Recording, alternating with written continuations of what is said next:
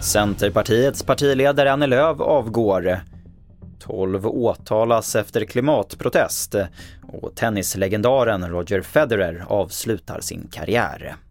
Det är TV4-nyheterna som börjar med att Centerpartiets partiledare Annie Lööf avgår. Det meddelar hon själv på en presskonferens tidigare idag.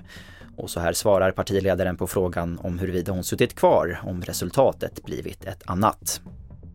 Jag hade suttit kvar, absolut. Eh, men eh, jag hade nog inte bedrivit nästa valrörelse. Eh, men jag hade givetvis tagit ansvar för ett positivt valresultat i någon form av samarbete med andra.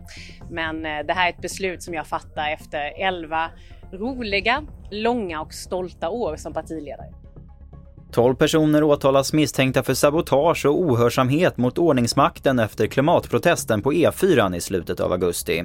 Bland annat fastnade en ambulans under utryckning i köerna som protesten bildade. Nio av de 12 sitter häktade och det rör sig om män och kvinnor mellan 35 och 70 år gamla.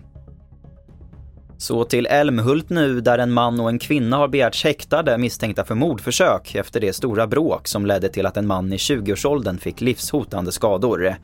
I bråket i måndags kväll deltog 20 till 30 personer från två släkter och en tredje person som också är misstänkt för mordförsök har gripits. Till sist att tennislegendaren Roger Federer nu avslutar sin tenniskarriär det uppger schweizaren på sociala medier enligt uppgifter från SVT. Federer stannar på 103 turneringssegrar och blev världsetta första gången i februari 2014 och var det senast 2018.